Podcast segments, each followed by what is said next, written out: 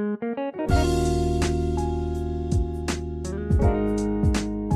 investor muda, balik lagi nih sama gue. Di podcast kali ini gue bakal mengulas sedikit tentang saham syariah.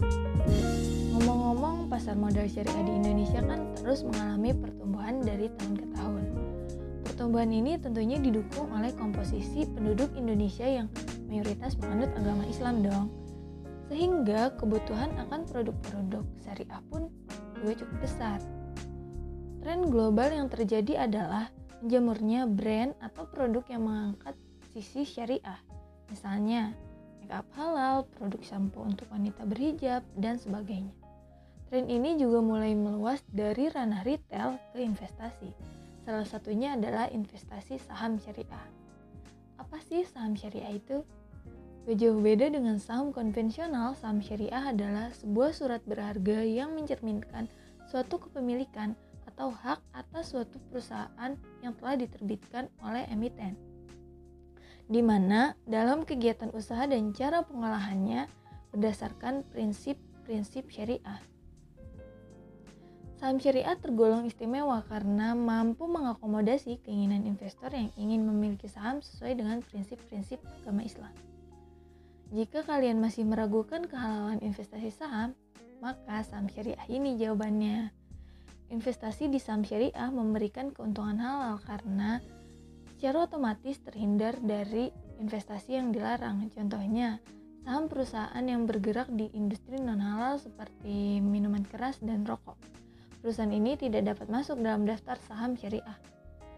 Keuntungan halal yang investor syariah dapatkan pun sama dengan investor saham konvensional yaitu berupa capital gain atau keuntungan investasi dari selisih harga jual dan harga beli.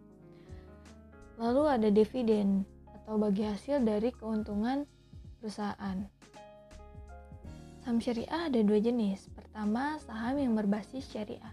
Saham yang berbasis syariah ini adalah saham perusahaan yang sudah menyatakan diri sebagai perusahaan syariah sejak awal perusahaan itu berdiri dinyatakan dalam anggaran dasar rumah tangga atau ADRT dan melakukan kegiatan usaha yang tidak bertentangan dengan prinsip syariah, serta memiliki dewan pengawas syariah. Saham jenis ini sudah otomatis masuk ke dalam daftar efek syariah atau DES tanpa melakukan screening.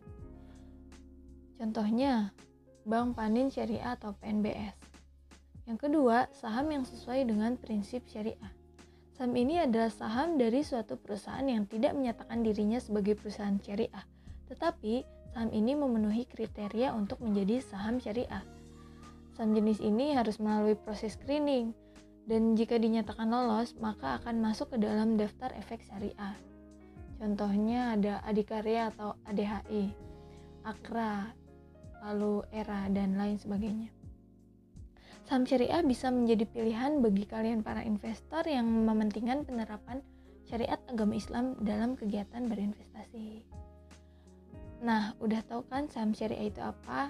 Yang tertarik buat investasi saham syariah? Yuk mulai nabung saham syariah sekarang karena berkah bisa datang dari mana aja termasuk investasi saham. Sekian dari gue, selamat menunaikan ibadah puasa bagi yang menjalankan. Semoga lancar. Sampai jumpa di podcast minggu depan. Terima kasih.